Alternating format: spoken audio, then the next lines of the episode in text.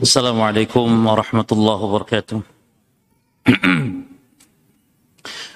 إن الحمد لله نحمده ونستعينه ونستغفره ونعوذ بالله من شرور أنفسنا ومن سيئات أعمالنا. من يهده له فلا مضل له ومن يضلل فلا هادي له. وأشهد أن لا إله إلا الله وحده لا شريك له. واشهد ان محمدا عبده ورسوله صلى الله عليه وعلى اله واصحابه والتابعين ومن تبعهم باحسان إلى يوم الدين وسلم تسليما كثيرا اما بعد para ikhwan dan akhwat kaum muslimin wal muslimat rahimani wa rahimakumullah kita masuk ke hadis yang kelima bab yang baru bab kaunil islami yahdimu ma qablahu bab tentang keberadaan agama Islam bisa menghapus yakni dosa-dosa maqablahu yang terjadi sebelum Islam. Ini kalau ada orang kafir masuk Islam, maka sejahat apa pun dosa, sebesar apa pun dosa, selama apa pun dosa. Mungkin dia kafir 70 tahun sudah umur 70 tahun masuk Islam, di dalam Islam mungkin hanya dua hari saja hidupnya, sehari saja hidupnya. Atau mungkin hanya semenit saja hidup. Setelah masuk Islam, la ilaha illallah Muhammad Rasulullah, langsung mati. Maka itu dosa-dosanya tergugurkan, berarti dia dijamin masuk surga aja, Mas. Ya kan dosa-dosa yang dulu digugurkan, dosa kesyirikan, dosa eh, maksiat-maksiat, dosa besar, berzina, mencuri, merampok. Lalu setelah masuk Islam dia meninggal. Berarti dohirnya orang ini masuk surga. Karena apa jemaah? Karena dia masuk Islam, dosa digugurkan, dan dia kan belum membuat dosa. Ya. Makanya ada seorang pemuda Yahudi yang dijenguk oleh Nabi Sallallahu Alaihi Wasallam Ketika itu Nabi mentalkinnya. Kata Nabi, ya gulam, kul la ilaha illallah. Wahai gulam, anak muda, baca la ilaha illallah. Maka sang ah, pemuda Yahudi ini melihat ke arah ayahnya, melihat ke arah Rasulullah SAW. Ya, ini minta pendapat atau bagaimana. Lalu ayahnya mengatakan, Ati Abul Qasim. Ikuti apa yang dikatakan oleh Abul Qasim, yaitu Rasulullah. Maka si Yahudi pun mengatakan, La ilaha illallah lalu meninggal. Maka Nabi pun mengatakan keluar kepada para sahabatnya kata Nabi alhamdulillahilladzi anqadahu Allahu minan nar. Segala puji hanya milik Allah yang Allah telah selamatkan dia dari api neraka. Jadi enggak enggak amal dulu capek-capek tapi surga aja mah. Nah, itulah Allah berikan hidayah. Makanya pendapat yang benar, kita tidak boleh melaknat orang kafir sekalipun kafir kalau melaknat secara ta'yin secara personal orang per orang dilaknat nggak boleh karena nggak tahu hidayah orangnya tapi kalau secara umum jangankan kafir orang Islam pun boleh kita laknat tapi secara umum orang Islam yang berbuat maksiat secara umum ya. Seperti Nabi melaknat pemakan riba. Nabi melaknat orang Islam. Nabi melaknat orang Islam yang memakan riba jadi boleh kalau secara umum. Apalagi kafir secara umum. Semoga Allah melaknat orang agama tertentu ya. Boleh. Mendoakan kebinasaan melaknat. Tapi kalau secara khusus maka tidak diperbolehkan hatta orang kafir. Karena apa? Karena kita tidak boleh menetapkan bisa jadi orang mendapat hidayah mendapat taufik atas izin Allah Subhanahu wa taala. طيب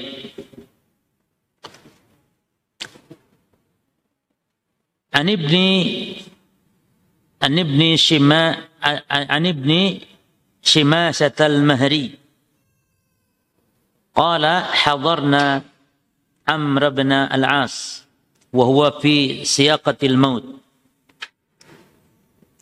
dari Ibnu Shimasah Al-Mahri dia berkata kami menghadiri Amr bin Al-As.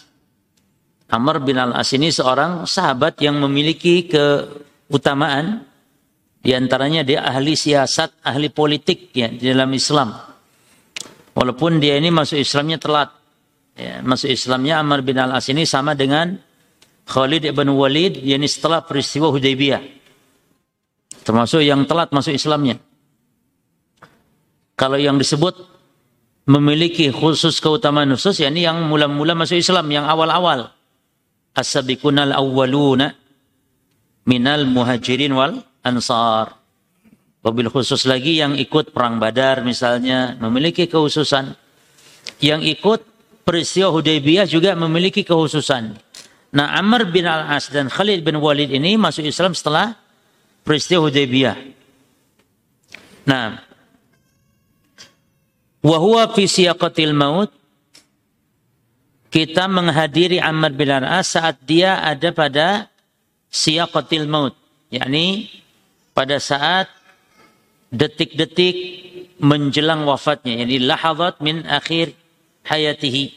Lahazat itu detik-detik gitu ya. Menjelang wafatnya. Tapi belum sekarat. Jadi pendahului kematian, pendahului maut itu, mukadimatul maut itu ada dua. Satu maradul maut, yang kedua sakaratul maut. Jadi pendahului kematian secara umum manusia dua. Satu sakit dulu, sakit yang membawa kepada kematiannya. Yang kedua setelah itu baru sekarat. Baru kematian. Nah kita dianjurkan untuk berdialog itu dengan orang yang mau mati saat pada saat maradil maut. Bukan sudah sekarat, sudah sekarat sudah tidak ada guna lagi. Sekaratul maut itu sudah tidak guna lagi cuma. Makanya hadis-hadis tentang mentalkin orang mau mati itu ketika maradul maut. Dan ini isyarat yang menunjukkan orang sekarat atau mau mati itu harus ditungguin. Karena ada perintah dari Nabi laqinu mautakum la ilaha illallah. Jadi kita punya kerabat saudara yang sakit keras, ada nampak-nampak kematian, ya jangan ditinggal. Tunggu, talkin. Jangan dibiarkan sendirian. Apalagi tipu daya syaitan itu justru juga di saat manusia lahir dan saat manusia mau mati. Maka doa Nabi itu Allahumma inni a'udzubika min an ya syaitan indal maut. Ya Allah aku berlindung kepada engkau dari gangguan setan saat kematian. Ya. Gangguan setan saat kematian. Nabi berlindung. Nah, ini yang dimaksud fi siyaqatil maut. Faqala lalu dia berkata, siapa Amr bin Al-As? Ataitun Nabiyya sallallahu alaihi wasallam. Lihat, Amr bin Al-As mau mati masih sempat menyampaikan ilmu, menyampaikan hadis. Ya, demikian para ulama. Aku mendatangi Nabi sallallahu alaihi wasallam fakultu. Maka aku pun berkata, "Ubsut yaminaka fal ubayyi fal ubayyi'ka bentangkanlah atau julurkan tanganmu hai Rasulullah aku membaiatmu jadi aku berbaiat kepadamu Wabasata yaminahu maka Rasul pun membentangkan tangannya tangan kanannya yakni menjulurkan tangan kanannya qala kata Amr bin Al-As faqabattu yadi maka saya pun menggenggamkan tangan saya Qala malaka ya Amr. Lalu Nabi berkata, kenapa denganmu hai Amr? Ya. Wa qabattu qabattu itu uh, di apa lagi? Digenggam jadi begini. Jadi tadi sudah begini, terus Amr nggak jadi begini. Se, se, se. Jadi nanti dulu gitu. Lalu Rasul tanya, apa? Kenapa? Malaka ya Amr. Apa Amr? Lalu Qultu aku berkata, aradtu an ashtarita. Saya minta syarat ya Rasul. Itu saya membayat tapi saya minta syarat. Itu Amr. Qala tashtaritu bimada? Apa syaratnya? Minta syarat apa? Qultu aku mengatakan kata Amr, an yughfaroli. Yani Amr membayat untuk masuk Islam jemaah. Ya kan? Amr ini membayat untuk masuk Islam. Lalu kata Amr, Kata Amr, syaratnya ya Rasul, saya kalau masuk Islam itu maunya dosa saya diampuni oleh Allah yang dulu-dulu. Saat saya masih di zaman jahiliyah. Diampuni oleh Allah. Qal, lalu Nabi bersabda, Ama amil, ama alimta. Tidakkah engkau tahu annal islam yahdimu makana qablahu? Tidakkah engkau tahu hai Amr bahwa dengan masuk Islamnya kamu dengan Islam ini itu menghancurkan, menghapus, menggugurkan dosa-dosa yang sebelumnya. Demikian pula kata Nabi wa annal hijrah. Demikian pula hijrah itu tahdimu makana qablaha. Menghancurkan dosa-dosa sebelum hijrah. Wa annal hajj demikian pula haji yahdimu makana qablahu. Demikian pula haji menggugurkan dosa-dosa sebelumnya. Dalam hadis roja'a kayaumi waladathu ummuh. Orang yang pulang haji itu seperti bayi yang baru dilahirkan. Nanti akan kita bahas apakah dosa yang hilang digugurkan dosa kecil atau dosa besar, maka nanti akan ada perinciannya. Taib. Hadis ini oleh mu'alif dipotong jemaah. Hadis ini dipotong hadis dari atau dalam riwayat Imam Muslim. Jadi di situ sebelumnya sebenarnya ada kisahnya. Ya. Dari Ibnu Shumasah. Ya. Itu ada kisahnya. Kisahnya itu ketika menjenguk Amr bin Al-As wa huwa fi maut pada saat detik-detik di akhir hayatnya beliau itu Amr bin Al-As fabaka tawilan dia menangis terus menangis gitu fabaka tawilan wa hawwala wajhahu ila al-jidar lalu dia hadapkan wajahnya ke arah tembok. Dia menangis terus hadapkan wajah ke tembok. Fajala ibnuhu yaqul. Lalu putra beliau, putra Amr bin Al-As, yakni Abdullah bin Al-As, Abdullah bin Amr bin Al-As, mengatakan, Ya abatah, wahai ayahanda, amma basyaraka Rasulullah SAW bikada, amma basyaraka Rasulullah SAW bikada, yakni tujuannya apa? Menghibur Wahai ayah, bukankah Rasul telah memberi kabar gembira kepadamu dengan ini dan itu yani bukankah Rasul telah bersabda bahwa engkau memiliki keutamaan-keutamaan? Itu maknanya. Ini menunjukkan para jamaah sekalian bahwa dianjurkan kita untuk menghibur orang yang sedang menderita seperti orang yang mau meninggal seperti ini. Jadi orang yang mau mati itu harus kita beri harapan besar. Jangan malah ditakut-takuti orang yang mau mati ya, ya. Maka kalau orang mau mati itu dibesarkan harapannya, rojanya, jangan khaufnya. Orang yang mau mati itu beri harapan. Insya Allah Allah Ghafurur Rahim. Kamu insya Allah banyak amal khair insya Allah. Sing tenang kamu insya Allah banyak. Yani Allah Ghafurur Rahim dosa-dosamu Allah ampuni Allah Ghafurur Rahim. Jangan malah takut deh kamu mau mati nih banyak dosamu. Kamu kayaknya oh, sengsara kamu nanti mati kamu sengsara. Oh mati duluan ya ya. Tapi yang berbuat dosa masih sehat-sehatnya berbuat dosa baru ancam dengan neraka orang seperti itu.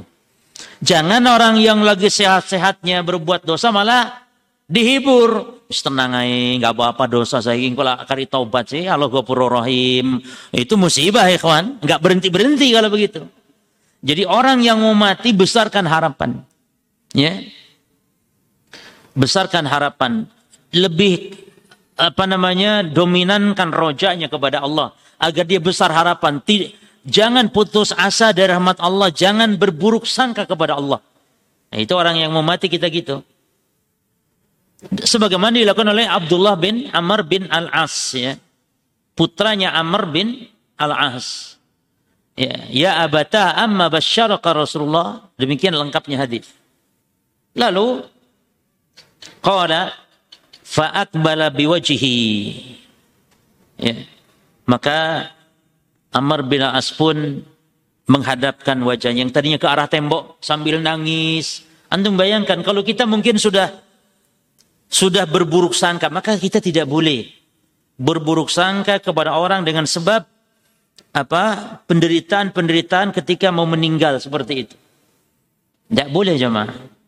Karena orang ketika mau meninggal, ya, ketika mau meninggal, orang soleh orang toleh sama semuanya menderita.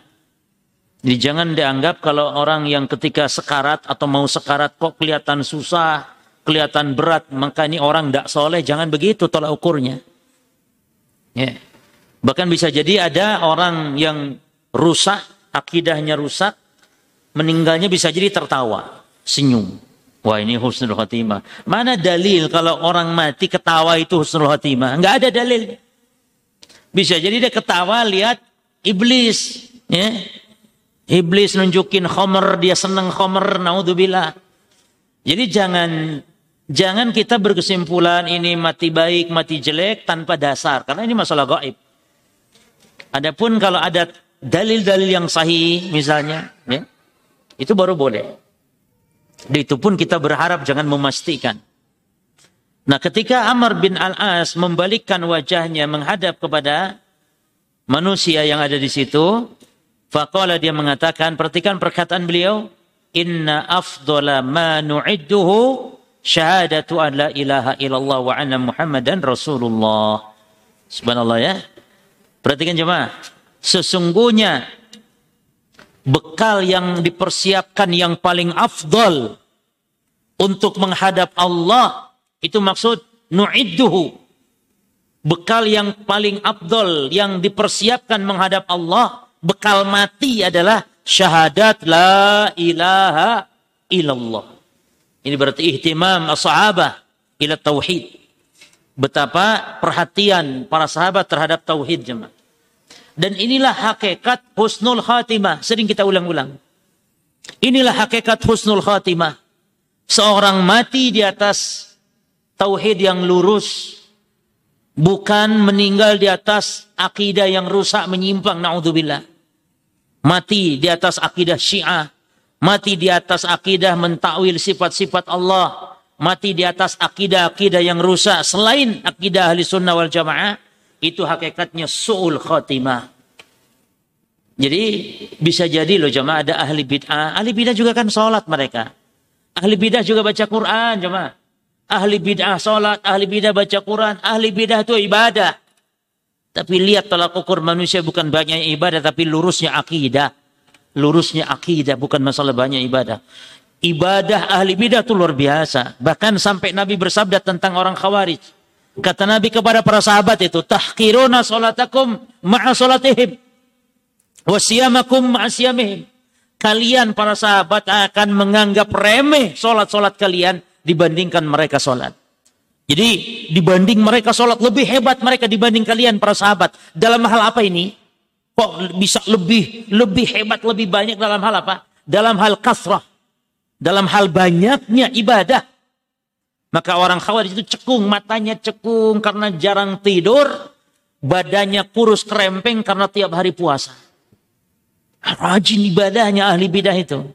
Tapi jangan jadi hiburan buat antum nih. Oh berarti yang penting ilmu saja. Iya. Berarti yang penting ilmu walaupun malas ibadah. Lah, lah. bukan itu maksudnya. Ya antum yang berilmu tetap ibadah semaksimal mungkin. Namun yang jadi ukuran bukan banyaknya ibadah maka mati pun bukan masalah mati sedang ibadah. Tapi hakikat husnul khatimah, mati di atas akidah ahli sunnah. Mati di atas akidah yang sahihah. Akidah tentang iman kepada Allah. Sifat-sifat Allah, nama-nama dan sifat Allah lurus. Akidah dalam hal malaikat, dalam hal hari kiamat, masalah takdir. Jangan kita takdir akidah murjiah, uh, jabariyah atau akidah qadariyah dalam masalah iman jangan berakidah murji'ah. Dalam masalah iman jangan berakidah khawarij mu'tazilah. Jangan dalam sifat-sifat Allah berakidah akidah maturidiyah, kulabiyah, syariyah. Berakidah ahli sunnah wal jamaah. Meninggal di atas akidah ahli sunnah wal jamaah. Itu hakikat husnul khatimah. Ya. Lihat kata Amr bin Al-As. Inna afdala ma nu'idduhu syahadatu an la ilaha illallah wa anna muhammadan rasulullah. Lalu kata beliau, Ammar bin Al-As radhiyallahu anhu mengatakan, "Inni qad kuntu ala atbakin salasin." Sungguh aku mengalami hidup ini tiga masa atau tiga fase. Ya, atbak itu tobak, tobakan antobakin hal minal ahwal. Kondisi, fase. Yang pertama fase laqad ra'aituni wa ma ahadun ashadda bughdhan lirrasulillahi sallallahu alaihi wasallam minni Tidaklah aku memperhatikan tidak ada seorang pun yang lebih membenci Rasulullah sallallahu alaihi wasallam daripada aku. Ya. Wala ahaba ilayya an akuna qad istamkantu minhu faqataltuhu. Dan tidak ada yang paling aku sukai daripada aku mendapat kesempatan untuk membunuh Rasulullah, membunuh Muhammad. Ya. Falau mutu ala tilkal hali lakuntum min ahli nar. Dan kalau saya mati dalam keadaan seperti itu, maka niscaya saya masuk neraka. Kata Amr. Ini maksudnya kapan ini? Tidak ada orang yang paling benci Rasul kecuali dia. Yang paling berat, besar rasa bencinya. Dan tidak ada kesukaan dia kecuali kesempatan untuk bisa membunuh Nabi Muhammad. Kapan ini? Di masa jahiliyah. Itu fase pertama. Kemudian fase yang kedua, falamma ja'alallahu al-Islam fi qalbi. Lalu manakala Allah taala menjadikan cahaya Islam dalam hatiku, ataitun nabiyya sallallahu alaihi wasallam faqultu. Nah, ini baru yang tadi hadisnya. Maka saya pun mendatangi Nabi, lalu saya mengatakan kepada Nabi, bentangkanlah tangan kananmu hai Rasul. Falau ubayyi'ka aku akan membaiatmu, ya. Sampai itu akhirnya Kata Nabi apa tadi? Ama alimta anna al-Islam yahdimu ma kana qablahu wa hijrah tahdimu ma kana qablahu wa anal hajj yahdimu ma kana qablahu. Nah, lalu setelah ini jemaah kata Amr kelanjutannya apa? Wa ma kana ahadun ahaba ilayya min Rasulillah sallallahu alaihi wasallam. Dan tidak ada orang yang paling kau cintai setelah itu daripada Rasulullah. Yang awalnya paling apa? Tidak ada seorang pun yang paling aku benci daripada Rasul. Setelah masuk Islam, tidak orang yang paling cintai kecuali Rasul sallallahu alaihi wasallam. Ya. Taib. Nah, ini di antara uh, hadis. Uh, cuma di sini ada kelanjutan lagi jemaah.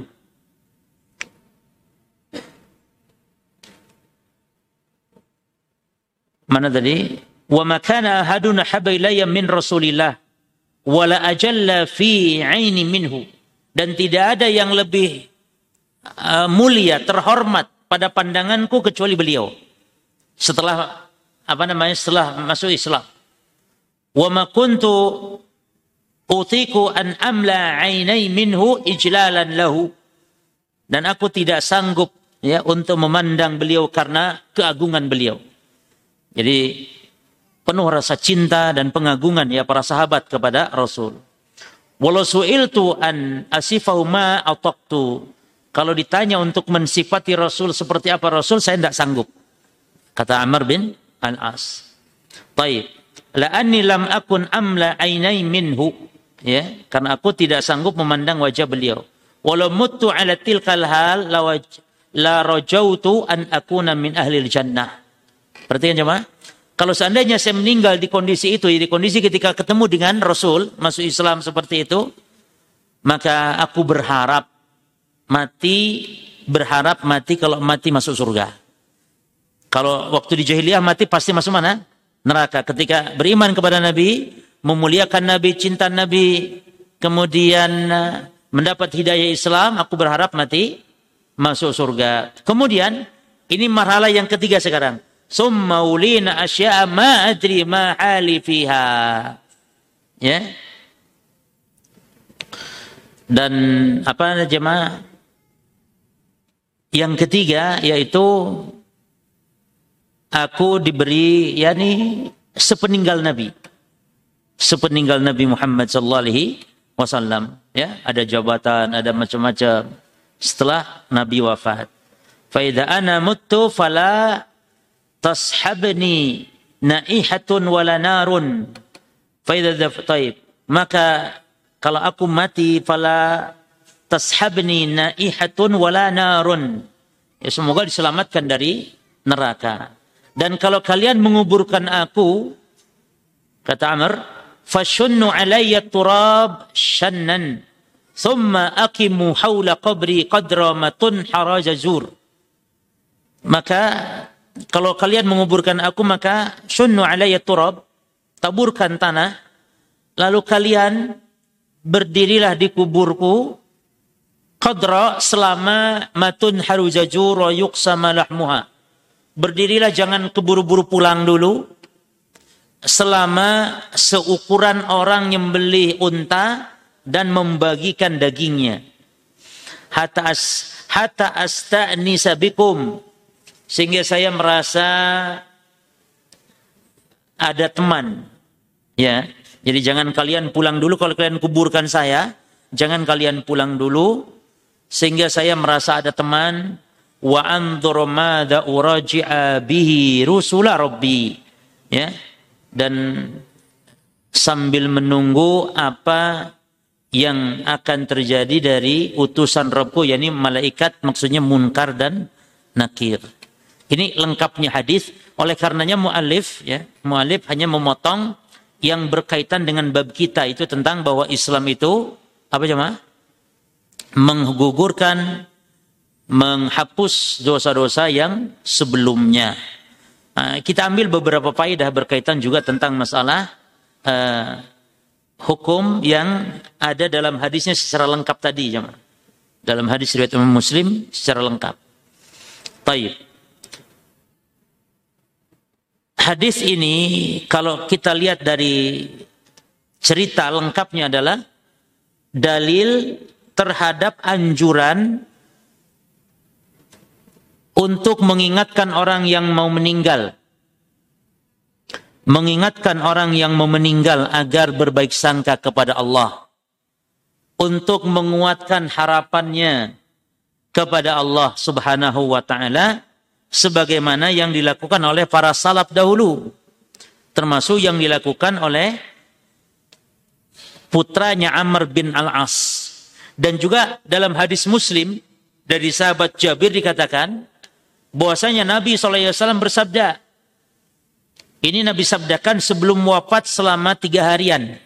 Nabi bersabda, La yamutanna ahadukum illa wa huwa yuhsinu billahi dhanna. Jangan sekali-kali kalian meninggal kecuali berbaik sangka kepada Allah. Jadi ini yang harus kita wasiatkan senantiasa kepada orang yang mau meninggal. Orang yang penyakit berat, jangan buruk sangka kepada Allah sekali-kali, jangan senantiasa berbaik sangka. Ya. Taib. Kemudian hadis menunjukkan apa jemaah? Bagaimana Amr bin Alas menangis ketika mau meninggal. Menangis karena apa ini? Takut. Takut mati ini maksudnya takut dosa-dosa yang banyak Padahal Amr bin Al-As sahabat yang mulia. Apalagi kita yang lebih pantas kita untuk menangis para jemaah.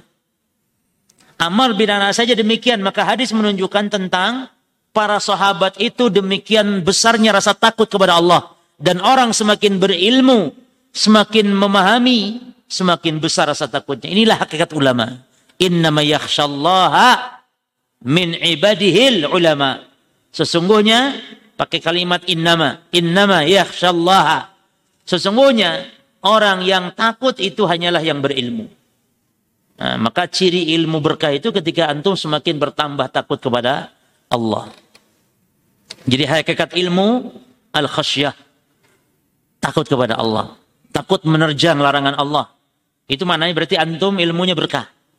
Mau ini oh haram ya akhi. Takut.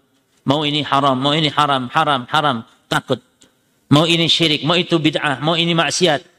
Nah, itu maknanya berkah. Tapi berilmu, menerjang yang haram, malah enteng saja. Kayak orang awam gak ada bedanya, maka ini nggak berkah. Maka ilmu bukan lesat al-ilm bi kasratir riwayat. Ya, bukanlah ilmu itu dengan banyaknya riwayat, banyaknya hafalan-hafalan. Ya. Antum lihat, banyak ahli bid'ah pun banyak hafal. Ahli bid'ah banyak hafal Quran, banyak hafal hadis. Ini bukan jaminan. Jadi ilmu itu yang penting bagaimana kita takut kepada Allah. Ya. Nah, lalu dalam hadis tadi ketika Amr bin As mengatakan, sesungguhnya sebaik-baik yang dijadikan bekal untuk pulang menuju kepada Allah adalah apa jemaah? Syahadat la ilaha illallah tauhid. Maka hadis menunjukkan keutamaan dua kalimat syahadat. Dua kalimat syahadat. Ya. Bahkan a'zamul a'mal amalan yang paling agung adalah tauhid, dua kalimat syahadat. Makanya jemaah sekalian di pembahasan yang dulu tentang niat ya. Niat itu kan ada dua macam. Ada niat amal, ada niat ma'mul, niatul ma'muli lahu. Niat amal ini niat untuk membedakan ibadah bukan ibadah atau ibadah satu dengan ibadah yang lainnya. Itu niat amal, niat yang dibahas oleh ulama fikih. Kalau yang kedua niat ma'mul lahu. Niat berkaitan kepada siapa kita ibadah. Ikhlas tidak ikhlas. Ini niat yang dibahas oleh ulama akidah. Maka niat yang paling agung yang mana coba? Hah? Antara niat amal dengan niat ma'muli lahu. Mana yang paling agung? niat ma'muli lahu masalah ikhlas dalam beribadah dari sisi mana dia lebih agung dari sisi bahwa kalau niat amal itu rusak maka yang rusak cuman ibadah itu saja kalau orang niatnya rusak dalam sholat ya sholat itu saja puasa ya puasa saja wudhu ya wudhu saja tapi kalau niat ma'muli lahu yang rusak maka yang gugur yang batal bukan hanya amal tapi seluruh agamanya Islamnya batal. Karena berkaitan tentang ikhlas yang lawannya adalah kesyirikan kepada Allah. Makanya niat amal itu gampang. Dan niat ma'mulilahu itu sangat berat dan berat. Makanya para salafus soleh selalu berusaha untuk memperbaiki keikhlasan ini karena berat. Tidak ada yang paling berat kecuali untuk bagaimana menjaga ikhlas ini. Kalau niat amal itu gampang gimana? Kata Imam Ibnu Taimiyah, niat amal itu cukup ilmu. Cukup ilmu yakni nyadar tahu kalau dia mau berbuat. Makanya niat amal itu tabahul ilm. Niat amal itu mengikut kepada ilmu. Selama orang itu sadar mau melakukan sesuatu itu sudah niat. Antum dari rumah menuju masjid itu sudah niat. Antum sahur itu sudah niat puasa itu. Bahkan ada sebagian ulama mengatakan niat amal seperti itu boleh tidak harus uh, ditetapkan. Yang penting dianya sadar tidak gila, bukan anak kecil. Sebagian ulama ya, tapi pendapat yang kuat tetap niat amal itu juga merupakan syarat ya. Hanya saja tidak sebahaya rusaknya ketika niat yang rusak niat ma'mulilahu niat kepada siapa ibadah kita tujukan. Jelas ya? Ini lawannya syirik. Kalau ini niat amal lawannya apa? Lawannya ya batal ibadah selesai. Ibadah apa? Ya wudhu, wudhu itu saja. Nah, bukan masalah menganggap remeh. Niat amal tidak dibandingkan dengan niat al-ma'mul. Jelas semua ya? Taib. Makanya juga di dalam hadis uh, tentang keutamaan dua kalimat syahadat ketika meninggal kata Nabi man kana akhiru kalamihi la ilaha illallah dakhalal jannah. Laqinu mautakum la ilaha illallah fa innahu man kana akhiru kalamihi la ilaha illallah dakhalal jannah. Kemudian hadis ini menunjukkan keutamaan Islam. Antum bayangkan, orang kafir selama 70 tahun masuk Islam, selesai. Selesai. Lalu mati, mungkin seminggu mati. Masya Allah. Atau saat itu mati. Masya Allah. Dan ini sesuai dengan firman Allah, yang ada di surah Al-Anfal ayat yang ke-38 jemaah. Allah mengatakan di surah Al-Anfal ayat 38, "Qul lilladzina kafaru" Katakan Muhammad kepada orang-orang kafir, "In yantahu, iyantahu." Kalau mereka berhenti dari kekafirannya, apa kata Allah? Yugfar lahum ma qad salaf. Allah ampuni dosa yang telah lalu. Jadi dan orang kafir jemaah ketika masuk Islam, amalan-amalan kebaikannya, amalan sosialnya ya, itu berpahala. Amalan sosialnya. Suka sodakoh misalnya, suka membantu. Ketika masuk Islam, ketika masuk Islam, itu diberi pahala oleh Allah. Dosa digugurkan, amalan sosialnya dicatat pahala oleh Allah. Kafir padahal.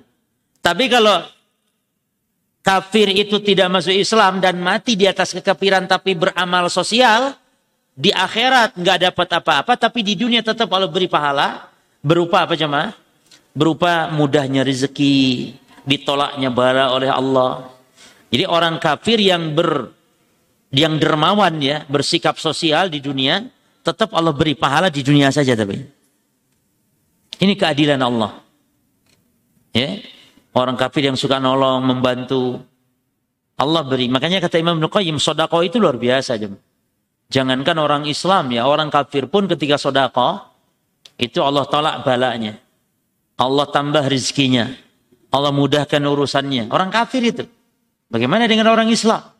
Lebih dahsyat lagi tentunya sodako ini. Ya. Nah, berikutnya di antara pelajaran dari hadis bahwa hadis menunjukkan keutamaan hijrah. Yang kata Nabi juga hijrah menggugurkan hanya saja kata ulama hijrah menggugurkan dosa itu, haji menggugurkan dosa itu apabila dibarengi taubat. Bukan dia berlangsung terus dalam dosa, bukan. Artinya orang haji tapi terus dosa maksiat gak ditinggalkan. Orang masih hijrah tapi maksiat terus dijalankan, maka hijrahnya, hajinya tidak berguna.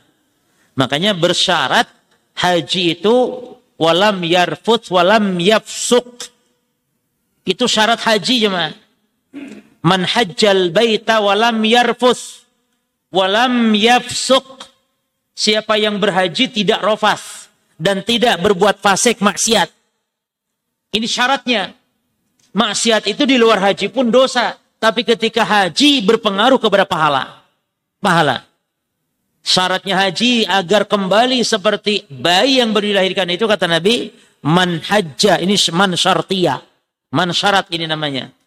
Man hajjal bait lam yarfus tidak berbuat rafas. Rafas yakni berbuat omong curang, omong yang mengandung uh, keinginan untuk berjima bersenggama ya atau rafas yang ngomong-ngomong buruk jelek yafsuk tidak berbuat fasik maksiat. Maka termasuk di ibadah haji itu tidak boleh bentak-bentak, nggak boleh menghina, apalagi keluar omongan kasar dan semisal. Yang memang ujiannya demikian cuma. Oh, antum hajian itu luar biasa, apalagi mungkin tahun ini yang memang kaum muslimin membludak istilahnya setelah ditutup beberapa saat. Ini sekarang ramai sekali, nah itu bisa jadi rebutan apa ya namanya di tenda yang desak-desakan, rebutan air, rebutan apa makanan kadang saling ya caci maki ini tidak boleh. Harus sabar, harus ditingkatkan kesabaran ketika sedang ibadah haji. Yang tidak jadi ya haji puroda nggak jadi sabar ya jemaah untuk jadikan pelajaran ya. Dan itu ada orang yang sudah bayar loh jemaah. Kan haji puroda itu 300 jutaan sekarang. 300 juta minimal. Ada yang sampai lebih 400. Itu nggak jadi itu ya uangnya walau alam seperti apa. Ya, ini harus jadi bahan perhatian. Baik. Kemudian pelajaran dari hadis dianjurkan wasiat. Dianjurkan wasiat apabila dipastikan keluarga kita ini akan melakukan hal-hal yang melanggar syariat. Misalnya keluarga ini masih awam. Sehingga bisa jadi kalau ada orang meninggal di antara kerabatnya dia nanti akan melakukan hal-hal yang di luar yang disyariatkan. Kebidahan-kebidahan misalnya. Maka Syekh Albani mengatakan dalam kitab Ahkamul Janaiz dibolehkan untuk berwasiat. Wasiat saya nanti, bahkan boleh berwasiat saya tolong dimandikan oleh siapa nanti dikafani, dikuburkan seperti ini, timnya yang ini supaya sesuai sunnah itu boleh. Ya, Kemudian tolong nanti jangan ada ya tahlilan, jangan ada ini dan itu wasiat ditulis di atas kertas, ditandatangani. Nah, kalau sudah itu terbebas kita di akhirat, terbebas kita di alam kubur. Inilah maksud dari hadis bahwa mayit yu'adzab bibukai ahlihi. Inilah maksud hadis mayit disiksa di alam kubur karena tangisan ratapan keluarganya. Kata Syalbani rahimahullah dan para ulama lain mengatakan maksudnya kerabatnya, keluarganya akan melakukan pelanggaran syariat, namun dia tidak wasiat untuk melarang. Maksudnya. Jadi kalau kita dipastikan tahu keluarga kita akan melakukan pelanggaran syariat dalam masalah jenazah kita ini nanti, boleh dianjurkan kita berwasiat seperti itu. Karena terkadang kalau wasiat juga mereka kaum muslimin kerabat kita juga takut cuma kalau ada wasiat ada suratnya stempel ya itu takut mereka juga sehingga banyak akhirnya yang taat tidak melakukan. Kalau tidak, oh jor-joran cuma. jor-joran. Bisa tujuh hari tujuh malam. Ya, nyembelih sapi tujuh hari tujuh malam. Nah,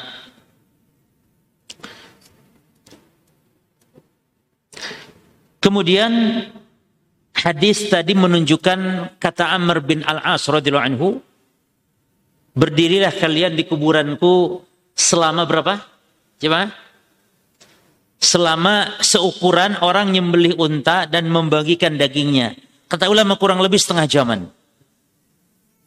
Tapi ini bukan sembelihan di Indonesia ya. Anda ngelihat sembelihan yang di Saudi saja. Nyembelih unta di Saudi kayak nyembelih ayam cuma. Antum nyembelih ayam, ya kayak gitu nyembelih unta di Saudi. Nyembelih kambing juga. Enggak ada istilah di Saudi, di Saudi, di Arab Saudi cuma yang anda tahu. Nyembelih itu enggak Kambing itu cukup ambil selesai, ambil satu kayaknya beli ayam. Di kita masya Allah dipegang tujuh orang, kambing satu tujuh orang jemaah. Belum tambangnya, belum yo ya Allah. Kef ya nih. Memang karakter hewannya beda mungkin. Sampai anda lihat sapi itu di, di YouTube kemarin anda lihat ada yang sampai ke kali, ke sungai jemaah. Kefal, ya nih. Kasihan sekali. Sapi sampai kita sekampung bahkan sampai Sapinya ngamuk ngejar sampai masuk ke supermarket sampai ya ini di Saudi itu masalah nyembeli selesai kulit dada kulit bagi-bagi selesai cepat sekali. Maka kata ulama setengah zaman ini. Nah, wasiat Amr bin Al-As ini ya kata para ulama ada khilaf ulama tentang masalah ini. Sebagian berpendapat itu tidak disyariatkan. Tapi itu adalah istihadnya Amr bin Al-As sendiri. Istihad beliau ya sebagai seorang alim, seorang sahabat. Boleh beristihad, namun itu istihad yang salah. Yang benar adalah sebagaimana dalam hadis. Utsman bin Affan, hadis Abu Daud. Kata Utsman, kana Nabi sallallahu alaihi wasallam idzan sarafa, idza faraga min dafnil mayyit waqafa alaihi. Nabi Muhammad SAW kalau selesai menguburkan jenazah, beliau berdiri di atas kuburnya betul. Betul. Namun Nabi hanya mengatakan, Summa qala istaghfiru li akhikum wasalu lahu tathbita fa innahu al-ana yus'al. Kata Nabi, mohonkanlah untuk saudara kalian mayit ini, saudara kalian ini, mohonkanlah keteguhan, mohonkanlah kepada Allah ampunan dan keteguhan karena sekarang sedang ditanya. Maka doa itu kan boleh diulang tiga kali. Jadi cukup kalau selesai nguburkan jenazah itu cukup doanya tiga kali, tiga kali cuma. Allahumma gfir lahu Allahumma gfir lahu, Allahumma gfir lahu, Allahumma sbithu, Allahumma sbithu, Allahumma sbithu. Atau disambung, Allahumma gfir lahu, Allahumma gfir lahu wasbithu. Allahumma gfir lahu wasbithu, Allahumma gfir lahu. Tiga kali selesai pulang. Boleh di, boleh ndak kita ceramah sedikit menyampaikan mau'idah dan ucapan jazakumullah khair kepada yang telah mengantar boleh tapi setelah itu selesai nggak ada baca Al-Fatihah, baca Quran, nggak ada langsung pulang. Maka kata para ulama di antaranya di sini dijelaskan oleh Syekh Ibnu Utsaimin rahimahullah taala, "Falladhi yadhhar anna hadha min ijtihadi Amr radhiyallahu anhu." Yang nampak dari hadis ini bahwa berdiri setelah menguburkan jenazah seukuran menyembelih apa namanya unta tadi sampai dibagikan dagingnya ini adalah ijtihadnya Amr bin Al-As. Wattiba'u sunnah aula. Dan kita mengikuti sunnah itu lebih afdal daripada mengikuti ijtihadnya sahabat. Ya. Wa huwa an naf'ala ma amara nabihi Rasulullah sallallahu alaihi wasallam. Yaitu apa? Sunnahnya yang benar dalam masalah ini setelah menguburkan jenazah, kita melakukan yang dilakukan yang diperintah Rasulullah, yaitu nakifu alal qabr, kita berdiri di atas kubur setelah menguburkan jenazah, wa naqulu lalu kita membaca doa. Allahumma gfir lahu Allahumma gfir lahu Allahumma gfir lahu. Nad'u salasan. Kita doa tiga kali. Karena Nabi memerintahkan kalau berdoa diulang berapa kali? Tiga kali. Ya? Jadi pendapat yang benar. Namun sebagian ulama ada yang mengatakan demikian. Berdiri lama di kuburan sekitar memang seukuran itu. Ya setengah jam gitu lama berdiri di situ. Ya sambil mendoakan tapi intinya berdiri minta ditemani kan Amr bin al Asu minta ditemani. Ya. Minta ditemani jangan kita pulang dulu. Sehingga Amr bin al As katanya mendapat atau apa yang terjadi dari pertanyaan malaikat munkar dan nakir. Maka yang benar sebagaimana dijelaskan oleh para ulama tadi. Nah, kemudian pelajaran dari hadis menunjukkan adanya fitnah kubur. Adanya fitnah kubur yaitu su'alu al-malakaini. Pertanyaan dua malaikat. Ya. Wa anzura madha uraji'a bihi rusula rabbi. Ya. Dan melihat bagaimana saya menjawab pertanyaan dari Rasulnya Rabbku yaitu malaikat yang dimaksud malaikat munkar dan nakir. Taib. Masuk hadis yang keenam. Bab yang baru, bab ini kita masih di bab apa? Kitabul iman ya, kitab iman. Bab berikutnya bab bayanu ar, babun boleh baca babun bayanu arkanil Islam boleh atau babu bayani arkanil Islam. Tapi kita baca adzan dulu. Kita baca setelah adzan ya. Masuk hadis yang سبحانك اللهم وبحمدك أشهد أن لا إله إلا أنت أستغفرك وأتوب إليك السلام عليكم ورحمة الله وبركاته السلام عليكم ورحمة الله وبركاته الحمد لله رب العالمين وبه نستعين على أمور الدنيا والدين وصلى الله وسلم وبارك على نبينا محمد وعلى آله وأصحابه وتابعين ومن تبعهم بإحسان إلى يوم الدين وسلم تسليما كثيرا أما بعد قال المصنف حفظه الله تعالى باب بيان أركان الإسلام باب penjelasan tentang rukun Islam عن ابن عمر رضي الله عنهما dari Abdullah bin Umar atau Ibnu Umar. Abdullah bin Umar ini termasuk uh, sahabat uh, sigor atau sahabat junior. Karena pada zaman Nabi mereka masih anak-anak. Ya, jadi kalangan sahabat ada yang disebut dengan istilah sigor sahabat, yakni sahabat yang hidup di zaman Nabi masih anak-anak. Contoh Anas bin Malik, Contoh Ibnu Umar, Ibnu Abbas, ya. Ini termasuk dan Ibnu Umar ini Abdullah bin Umar uh, termasuk juga sahabat yang banyak meriwayatkan hadis Nabi Shallallahu Alaihi Wasallam ada empat Abdullah yang banyak meriwayatkan hadis. Pertama Abdullah bin Umar, yang kedua Abdullah bin Abbas, ketiga Abdullah bin uh, Amr bin Al-As, dan yang keempat Abdullah bin Mas'ud. Jadi empat Abdullah yang banyak meriwayatkan hadis. Taib. Kemudian beliau mengatakan Qala Rasulullah sallallahu alaihi wasallam Rasulullah SAW bersabda bunyal Islamu ala khamsin. Islam dibangun. Bunya yani ussiza. Bunya yani atau ukima, dibangun, didirikan atau ussisa ditegakkan. Di atas lima yakni lima pondasi atau lima dasar. Ya. Dan Islam yang dimaksud dalam hadis ini, para jemaah, Islam yang dimaksud adalah Islam yang dibawa oleh Nabi Muhammad, Islam yang khusus, Islam yang dibawa oleh Nabi Muhammad SAW.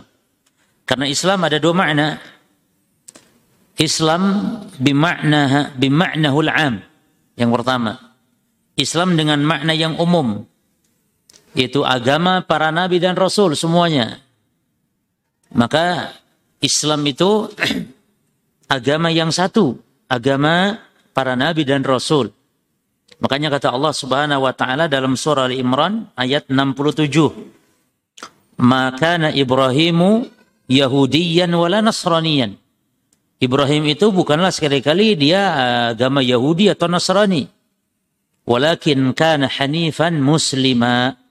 Kan tapi dia agama yang lurus sebagai seorang muslim. Demikian pula kata Allah dalam surah Ali Imran ayat yang ke-82. Ya. Ayat 83-nya. Allah mengatakan walahu aslama man fis samawati wal ard. hanya kepada Allah lah tunduk Islam apa yang di langit dan di bumi. Ya. Tau'an wa karhan baik secara sukarela ataupun secara terpaksa semua tunduk. Nah, ini Islam dengan mana umum. Ya. Adapun yang kedua, Islam bimaknahul khas, Islam dengan mana yang khusus. Yaitu Islam agamanya Nabi Muhammad SAW. Nah yang dimaksud dalam hadis kita ini, bunyal islamu yani al-islam Alladhi jabihi Nabiyyuna Muhammad. Yang dibawa oleh Nabi kita Muhammad sallallahu alaihi wasallam. Kata Nabi, bunyal islamu ala khamsin. Islam dibangun di atas lima pondasi, kemudian syahadat boleh syahadatu, boleh syahadati bacanya. Ala khamsin syahadati. Cuman kalau sudah syahadati ya ke bawahnya nanti wa iqami juga, wa ita'i juga, wal haji. Semuanya jer. Kalau dibaca syahadatu berarti nanti ke berikutnya pun oh wa iqamu sholat wa ita'u az-zakah. Syahadati ala ilaha illallah wa anna muhammadan rasulullah wa iqami salah wa ita'iz zakah wal haji wa saumi ramadan. Itu syahadat la ilallah dan syahadat Muhammad Rasulullah mendirikan salat, mengeluarkan zakat, haji dan puasa Ramadan. Baik, kita ambil beberapa faedah dari hadis ini. Yang pertama para jemaah, ya. Yang pertama bahwa Islam dibangun di atas lima dasar atau lima rukun ini. Maka siapa yang mengingkari salah satu dari rukun, bukanlah Islam, bukan Muslim. Mengingkari ya. Taib, karena yang lima ini adalah ma'lumun minad din perkara yang sudah pasti paten ditetapkan ya di dalam agama kita. Taib. Kemudian yang kedua, bahwa rukun Islam itu urutannya sebagaimana urutan Nabi SAW dalam hadis ini. Jadi yang paling nomor satu itu harus dua kalimat syahadat. Tidak boleh sholat dijadikan nomor satu, apalagi puasa, zakat. Ya. Dan makna syahadat la ilaha illallah, perhatikan syahadat ada dua macam. Asyahadatu tanqasimu ila qismaini. Al-qismul awal syahadatu at-tauhid namanya. Pembagian syahadat ada dua macam. Pertama syahadat tauhid. Yaitu persaksian la ilaha illallah. Dan maknanya syahadat tauhid ini ini la ma'buda bihaqqin illallah. Tidak ada ilah yang berhak diibadahi dengan benar kecuali Allah. Bukan tiada Tuhan. Kalau tiada Tuhan ini makna yang masih belum sempurna. Karena kalau tidak Tuhan selain Allah ini salah secara akal dan secara kenyataan. Banyak Tuhan selain Allah. Kita katakan tiada Tuhan selain Allah. Kita katakan banyak Tuhan selain Allah. Nyiroro Kidul juga sesembahan Tuhan. Maka yang benar tiada sesembahan yang benar. Ya. Kalau tiada sesembahan saja itu juga salah. Tiada sesembahan selain Allah juga salah. Karena kenyataannya banyak sesembahan selain Allah. Maka yang benar tiada sesembahan yang benar. Yang benar. Tiada sesembahan yang benar. Enggak ada sembahan yang benar. Kita nafikan sesembahan yang benar dan kita tetapkan hanya satu itu Allah. Kalau sesembahan yang lain selain Allah banyak iya tapi tidak benar. Sesembahan yang batil. Nyiroro Kidul sesembahan tapi sesembahan yang batil. Mbah sesembahan tapi sesembahan yang batil. Keris sesembahan tapi sesembahan yang batil. Ya. Jadi la ma'buda haqqun aw la ma'buda bihaqqin ilallah. Tiada sembahan yang hak ya, yang benar kecuali hanya Allah. Yang kedua, syahadat ar-risalah namanya. Persaksian bahwa Muhammad adalah Rasulullah. Dan syahadat risalah ini para jemaah, syahadat risalah ini maknanya adalah mencakup empat hal. Syahadat risalah maknanya apa? Mencakup empat hal. Satu, ta'atuhu fima fima amar mentaati yang diperintahkan Nabi. Yang kedua, wajtina bumanaha anhu wajajar menjauhi wajtina bumanaha anhu wajajar menjauhi yang dilarang Nabi. Yang ketiga, tasdikuhu fima akhbar, membenarkan yang dikabarkan Nabi. Dan yang keempat, wala ya'budallah illa bima syara'a. Tidak beribadah kecuali yang ditetapkan oleh syariat. Jadi ibadah kita itu disebut ibadah jika dasarnya yang ditetapkan oleh syariat oleh Nabi. Ya, yang ditetapkan oleh syariat oleh Nabi. Itu ibadah. Taib. Kemudian rukun Islam ini pada jamaah ada dua rukun. Jadi rukun Islam yang lima ini dibagi dua rukun. Satu rukun asasi yaitu syahadat dan sholat. Yang kedua rukun takmili, rukun penyempurna yaitu puasa, zakat, dan haji. Itu rukun penyempurna. Rukun asasinya syahadat dan sholat. Atau dua kalimat syahadat dan salat ya. Maka syahadat ini tanda seorang masuk Islam dan hidup mati seorang diakhiri dengan kalimat tauhid ini la ilaha illallah. Ya, taib. Kemudian syahadat syahadat tidak akan bermanfaat kecuali harus terpenuhi syaratnya. Dan syarat syahadat ada tujuh pada jemaah. Syarat syahadat ada tujuh. Syarat yang pertama al-ilmu. Al-munafi lil jahal lawannya adalah kejahilan. Jadi orang Islam kalau ingin benar syahadatnya tidak boleh tidak paham. Ya. La ilaha illallah itu syaratnya ada tujuh. Yang pertama ilmu, yakni mengetahui maknanya. Orang Islam harus tahu maknanya apa la ilaha illallah. Jangan kalah dengan Abu Jahal. Abu Jahal itu jemaah meyakini yang menciptakan, menghidupkan, mematikan adalah Allah meyakini itu. Maka ketika diperintah mengucap la ilaha illallah Abu Jahal nggak mau karena maknanya tahu la ilaha illallah bukan berarti bermakna meyakini tiada pencipta selain Allah. Bukan itu maknanya. Jadi Abu Jahal sangat tahu makna la ilaha illallah. Apa artinya tadi? La ma'budah bihaqqin illallah. Ya. Mana dalil kita wajib tahu syahadat la ilaha illallah? Surah Az-Zukhruf ayat 86. Allah Ta'ala mengatakan, illa man syahida bil haqqi wa hum ya'lamun. Kecuali orang yang bersaksi dengan tauhid la ilaha illallah bil haqqi itu. Bil haqqi ay bila ilaha illallah wa hum ya'lamun ay wa hum ya'lamun bi qulubihim. Wa hum ya'lamuna bi qulubihim. Mereka tahu yakni makna la ilaha illallah. Maka dalam hadis juga demikian. Kata Nabi, man mata wa huwa ya'lam. Siapa yang mati sementara dia mengetahui la ilaha illallah dakhalal jannah. Jadi bukan sekedar mengucapkan cuma, tapi harus syaratnya mengetahui. Man mata siapa yang meninggal dunia wa huwa ya'lam sementara dia tahu.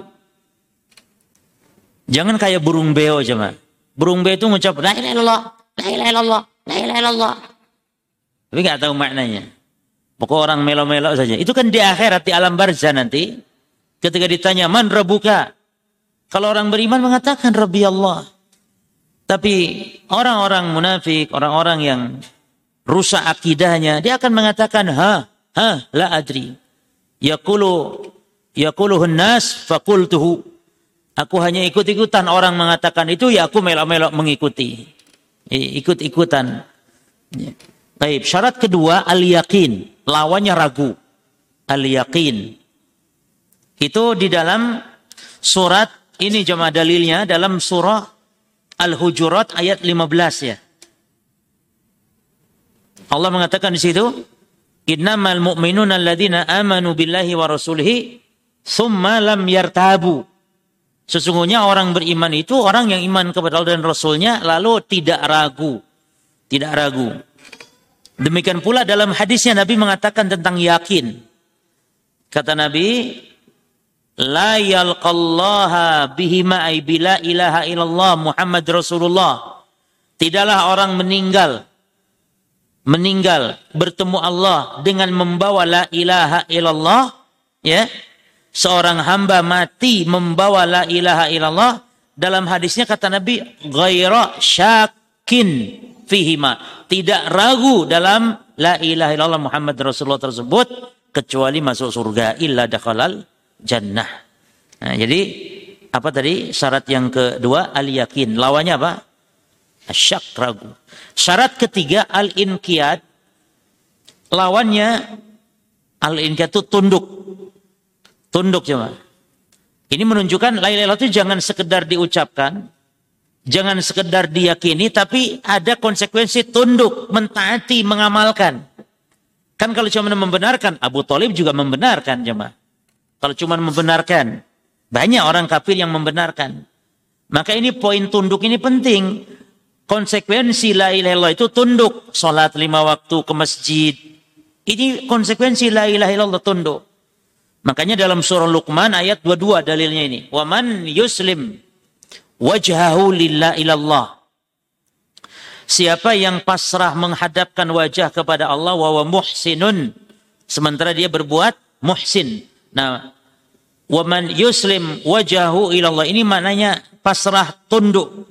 Muhsin yakni berbuat baik, yakni beramal dengan contoh dari Rasulullah sallallahu alaihi wasallam. Itu al-inqiyad.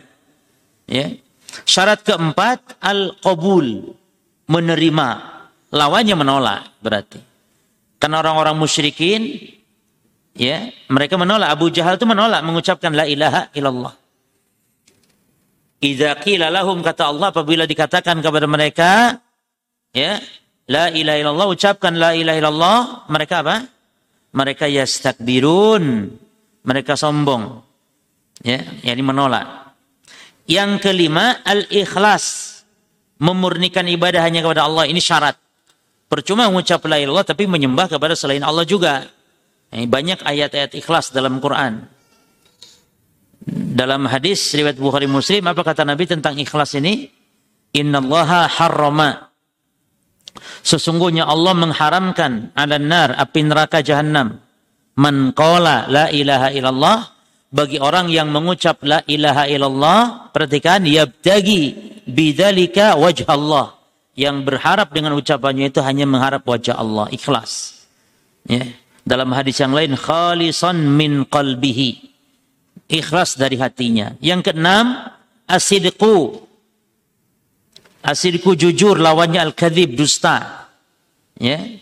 Ini dasarnya surah Al-Ankabut ayat 2 jemaah tentang ujian orang yang beriman diuji jujur tidak. Ya.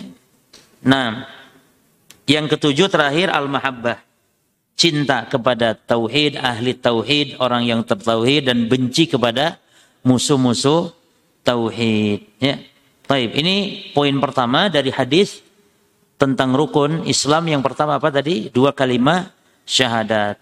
Terus pelajaran dari hadis bahwa solat merupakan rukun yang asasi juga yang paling agung setelah dua kalimat syahadat.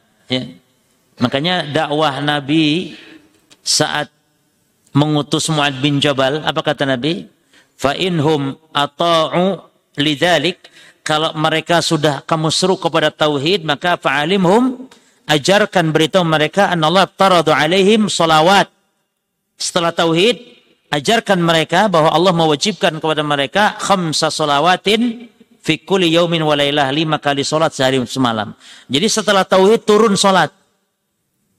Setelah tauhid turun yakni urutannya kedua salat. Ini menunjukkan dakwah itu harus bertahap jemaah.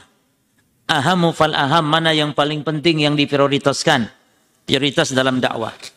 Itulah makna ilmu dalam dakwah sebagaimana dalam ayat Qul hadhihi sabili adu ilallahi ala basiratin. Katakan Muhammad inilah jalanku aku berdakwah menyeru kepada Allah di atas ilmu. Nah, ilmu itu diterangkan dalam hadis Muad bin Jabal ini. Ketika Nabi mengutus Muad bin Jabal, disimpulkan dari hadis itu ilmu dalam dakwah ada tiga macam.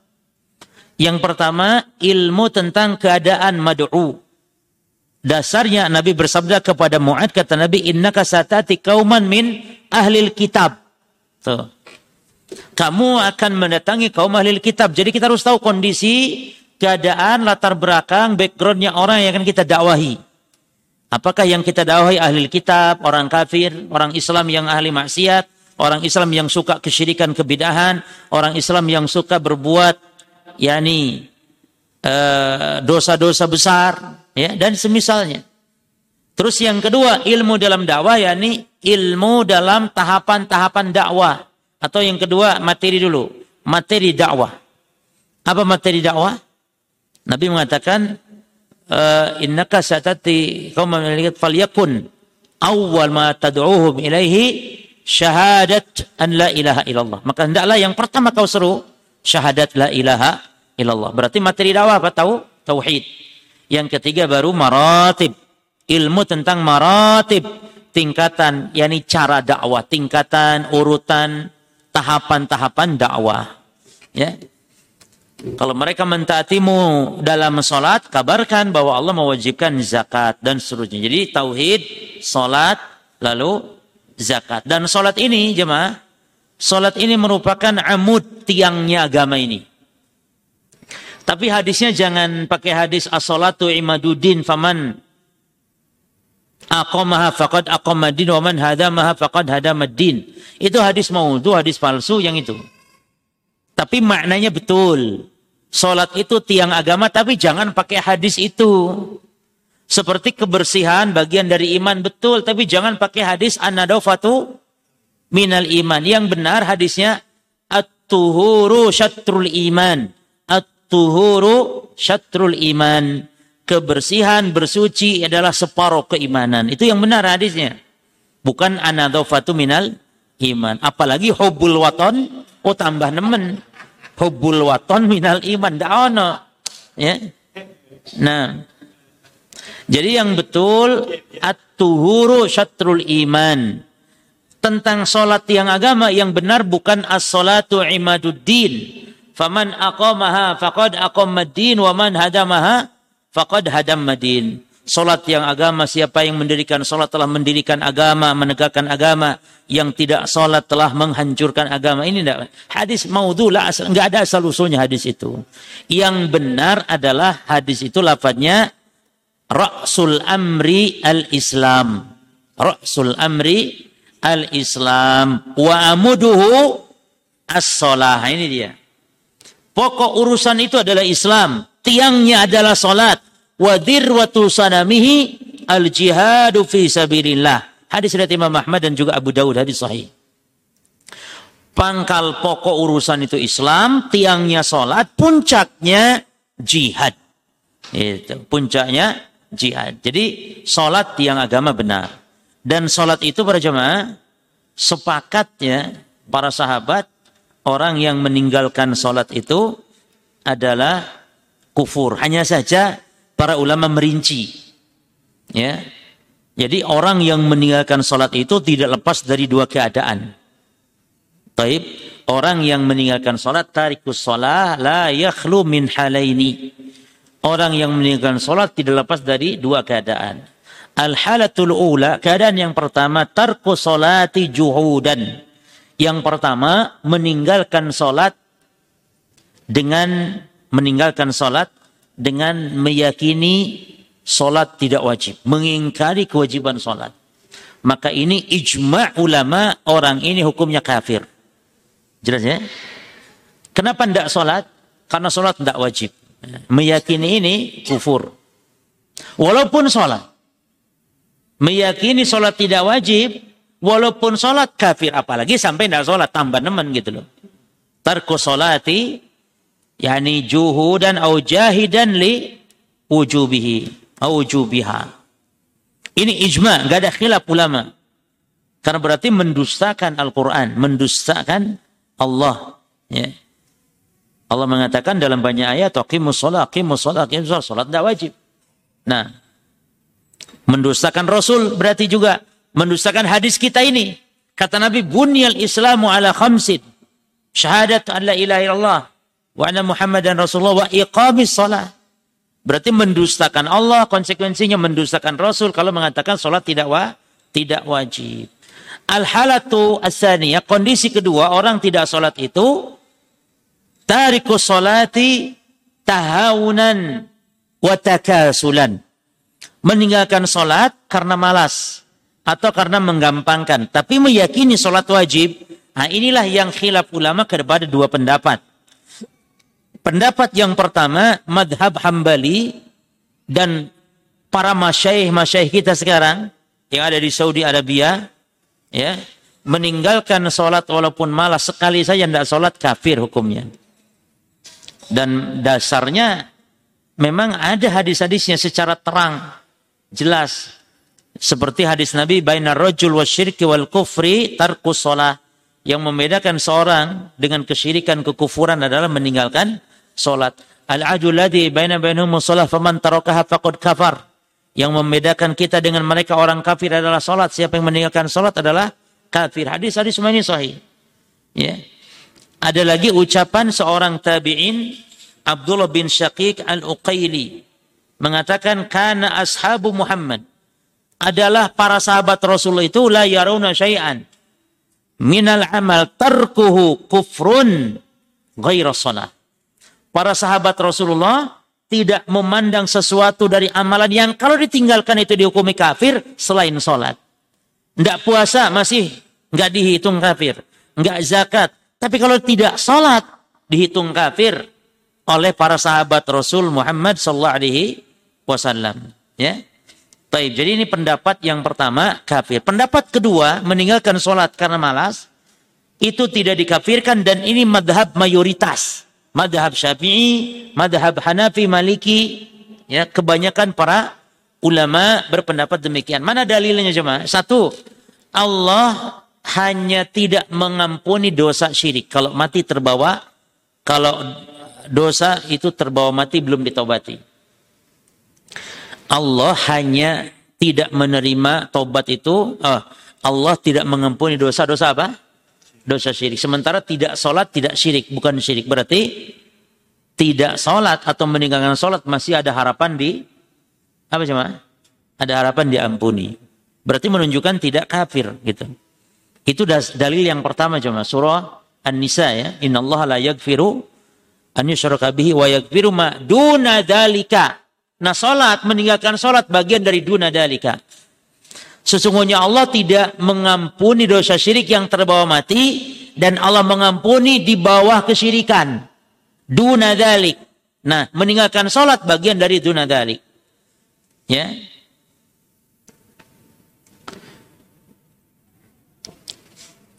Demikian pula para jemaah hadis-hadis yang menunjukkan bahwa ada orang yang meninggalkan sholat Lalu kata Nabi Sallallahu Alaihi Wasallam, kalau Allah berkehendak Allah ampuni, kalau Allah berkehendak Allah azab dia. Berarti ini dosa meninggalkan sholat termasuk antara dosa yang dibawa kehendak Allah kelak di hari kiamat. Maka ini menunjukkan tidak tidak kafir. Dan ini pendapat yang kuat. Namun ada penjelasan yang merinci dari Syekh Ibnu Utsaimin rahimahullah taala. Ya penjelasan dari Syekh Ibnu Saimin rahimahullah taala. Kata beliau, "Waladhi yadhhar minal adillah" dan yang jelas dari dalil-dalil tentang hukum meninggalkan salat. Annahu la yukaffar illa bitarki salati daiman. Tidak dikafirkan kecuali kalau dia tidak sholat itu selama-lamanya seumur hidup. Kan ada orang Islam yang tapi tidak pernah sholat seumur umur. Ya. Bimakna watana nafsu ala tarki salat. Dengan arti seumur hidup tidak salat gitu. Fala yusalli dhuhran wala asran wala maghriban wala isya'an wala fajran. Jadi dia tidak pernah salat, tidak duhur, tidak asar, tidak maghrib, tidak isya, tidak subuh. Kan orang kadang-kadang dia tidak salat subuh tapi duhur masih salat, asar masih salat, maghrib salat, isya kadang melayang, subuh ketendang, ya, jadi masih banyak sholatnya daripada tidak sholatnya. Nah, jadi kalau ini memang tidak sholat sama sekali. Nah, adapun fa in kana yusalli fardan aw fardaini fa innahu la yukaffar li anna hadha la uh, la yusaddiqu alaihi annahu tarkus shalah. Adapun kalau kadang satu solat dia tinggalkan atau dua solat Kata Syekh Utsaimin dia tidak dikafirkan. Ya. Jadi intinya kalau lebih banyak tidak sholatnya itu yang dikafirkan. Jadi ini mengambil pendapat soal ada pendapat ketiga lah ya yang mengambil jalan tengah. Nah, kemudian dari hadis ini menunjukkan tentang kewajiban zakat para jemaah. Ya, zakat ya, dan zakat ini termasuk juga rukun Islam. Dan zakat itu selalu digandengkan dengan salat dalam banyak ayat di Quran. Wa aqimus shalah wa zakat. Karena salat itu membangun hubungan dengan Allah, silah baina Allahi wa abdihi, silah hubungan antara Allah dengan hamba. Sementara zakat itu membangun hubungan antar sesama makhluk sesama manusia. Ya. Makanya di dalam hadis dakwah siapa Mu'ad bin Jabal ke negeri Yaman, itu urutannya tauhid, salat lalu zakat, ya. Kemudian puasa Ramadan, ini juga rukun Islam dan kewajiban haji ke apa ke Baitullah. Nah sekarang ada pertanyaan, kenapa tidak disebutkan jihad? Kenapa jihad tidak termasuk rukun Islam? Padahal kan jihad itu abdulul amal, amalan yang utama. Al-jawab, jawabannya apa jemaah? Karena jihad itu fardu kifayah. Walayata'ayyan ila fi ba'dil ahwal. Karena jihad itu bukan fardu ain, tapi fardu kifayah. Menjadi fardu ain pada beberapa kondisi. Tapi hukum asalnya, yang namanya jihad fardu kifayah maka tidak dimasukkan ke dalam kelompok rukun Islam. Memang dia puncaknya, puncak Islam jihad itu, tapi bukan bangunannya. Jadi yang lima ini memang bangunannya para jemaah. Demikian pula amar ma'ruf nahi munkar.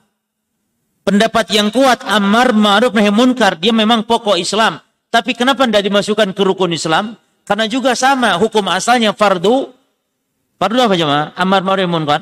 Hukum asalnya fardu kifayah fal faltakun ummatun yad'una faltakun ummat faltakum minkum kata Allah faltakun faltakum minkum lihat ayatnya hendaklah di antara tuh di antara kalian bukan tiap-tiap kalian tapi di antara kalian orang yang menyuruh kepada kebaikan dan melarang kepada memerintah kebaikan melarang ke kemungkaran ya baik Jadi dalam hadis ini apa namanya menunjukkan tentang betapa pentingnya seorang memperhatikan terhadap rukun Islam. Ya. Makanya kata para salaf tadi tentang masalah uh, solat misalnya ya. Jadi solat ini sangat di, diperhatikan karena sila hubungan dia dengan hamba dengan Allah Subhanahu wa taala. Taib. Hadis ini juga memberikan pelajaran bahwa layak tasir dinul Islam ala hadhihi al-umur al-khamsah. Ya. Islam tidak mencukupkan kelima poin ini saja. Memang ini rukunnya, tapi bukan berarti lima ini sudah cukup Islam. Seperti itu tidak jemaah. Tapi Islam mencakup amalan-amalan, amalan pun banyak cabang-cabangnya. Ya. Namun Nabi menyebut lima ini ibaratnya itu da'aim. Da'aim itu tiangnya gitu ya. Jadi istilahnya tiangnya. ya Pondasinya dan seterusnya. Jadi bukan berarti Islam mencukupkan ini. Nah,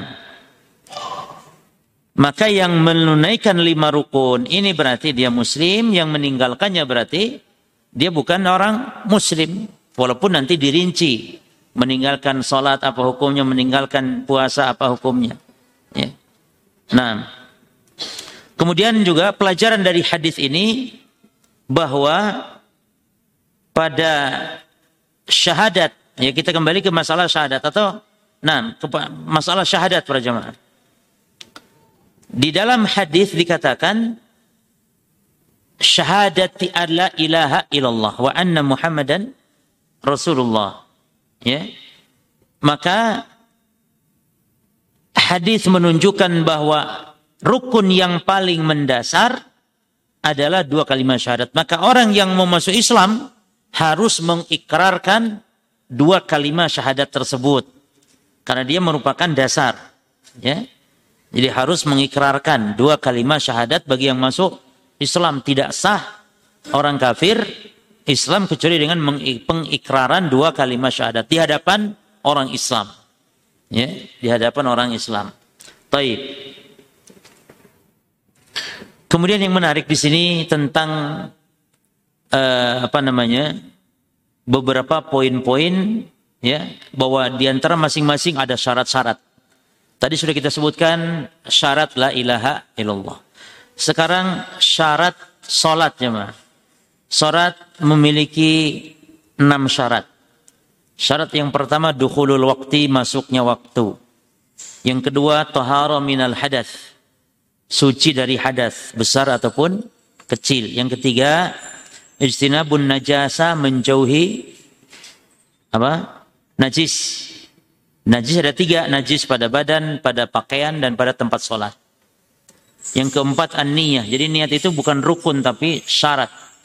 Ya. Dan niat tempatnya di hati tidak ada unsur pengucapan lafaz. Yang kelima satrul aurat menutup aurat. Yang keenam istiqbalul kiblat menghadap kiblat. Inilah enam syarat sholat. Ya. Nah, tapi saya kira cukup insya Allah masuk nanti ke hadis yang berikutnya. Ini bab yang penting nanti dijelaskan lebih detail tentang iman, Islam dan ihsan yang disebut dengan hadis Jibril. Insyaallah kita bahas ini. Allah taala alam. Subhanakallahumma bihamdika asyhadu an la ilaha illa anta astaghfiruka wa atubu ilaik. Wassalamualaikum warahmatullahi wabarakatuh.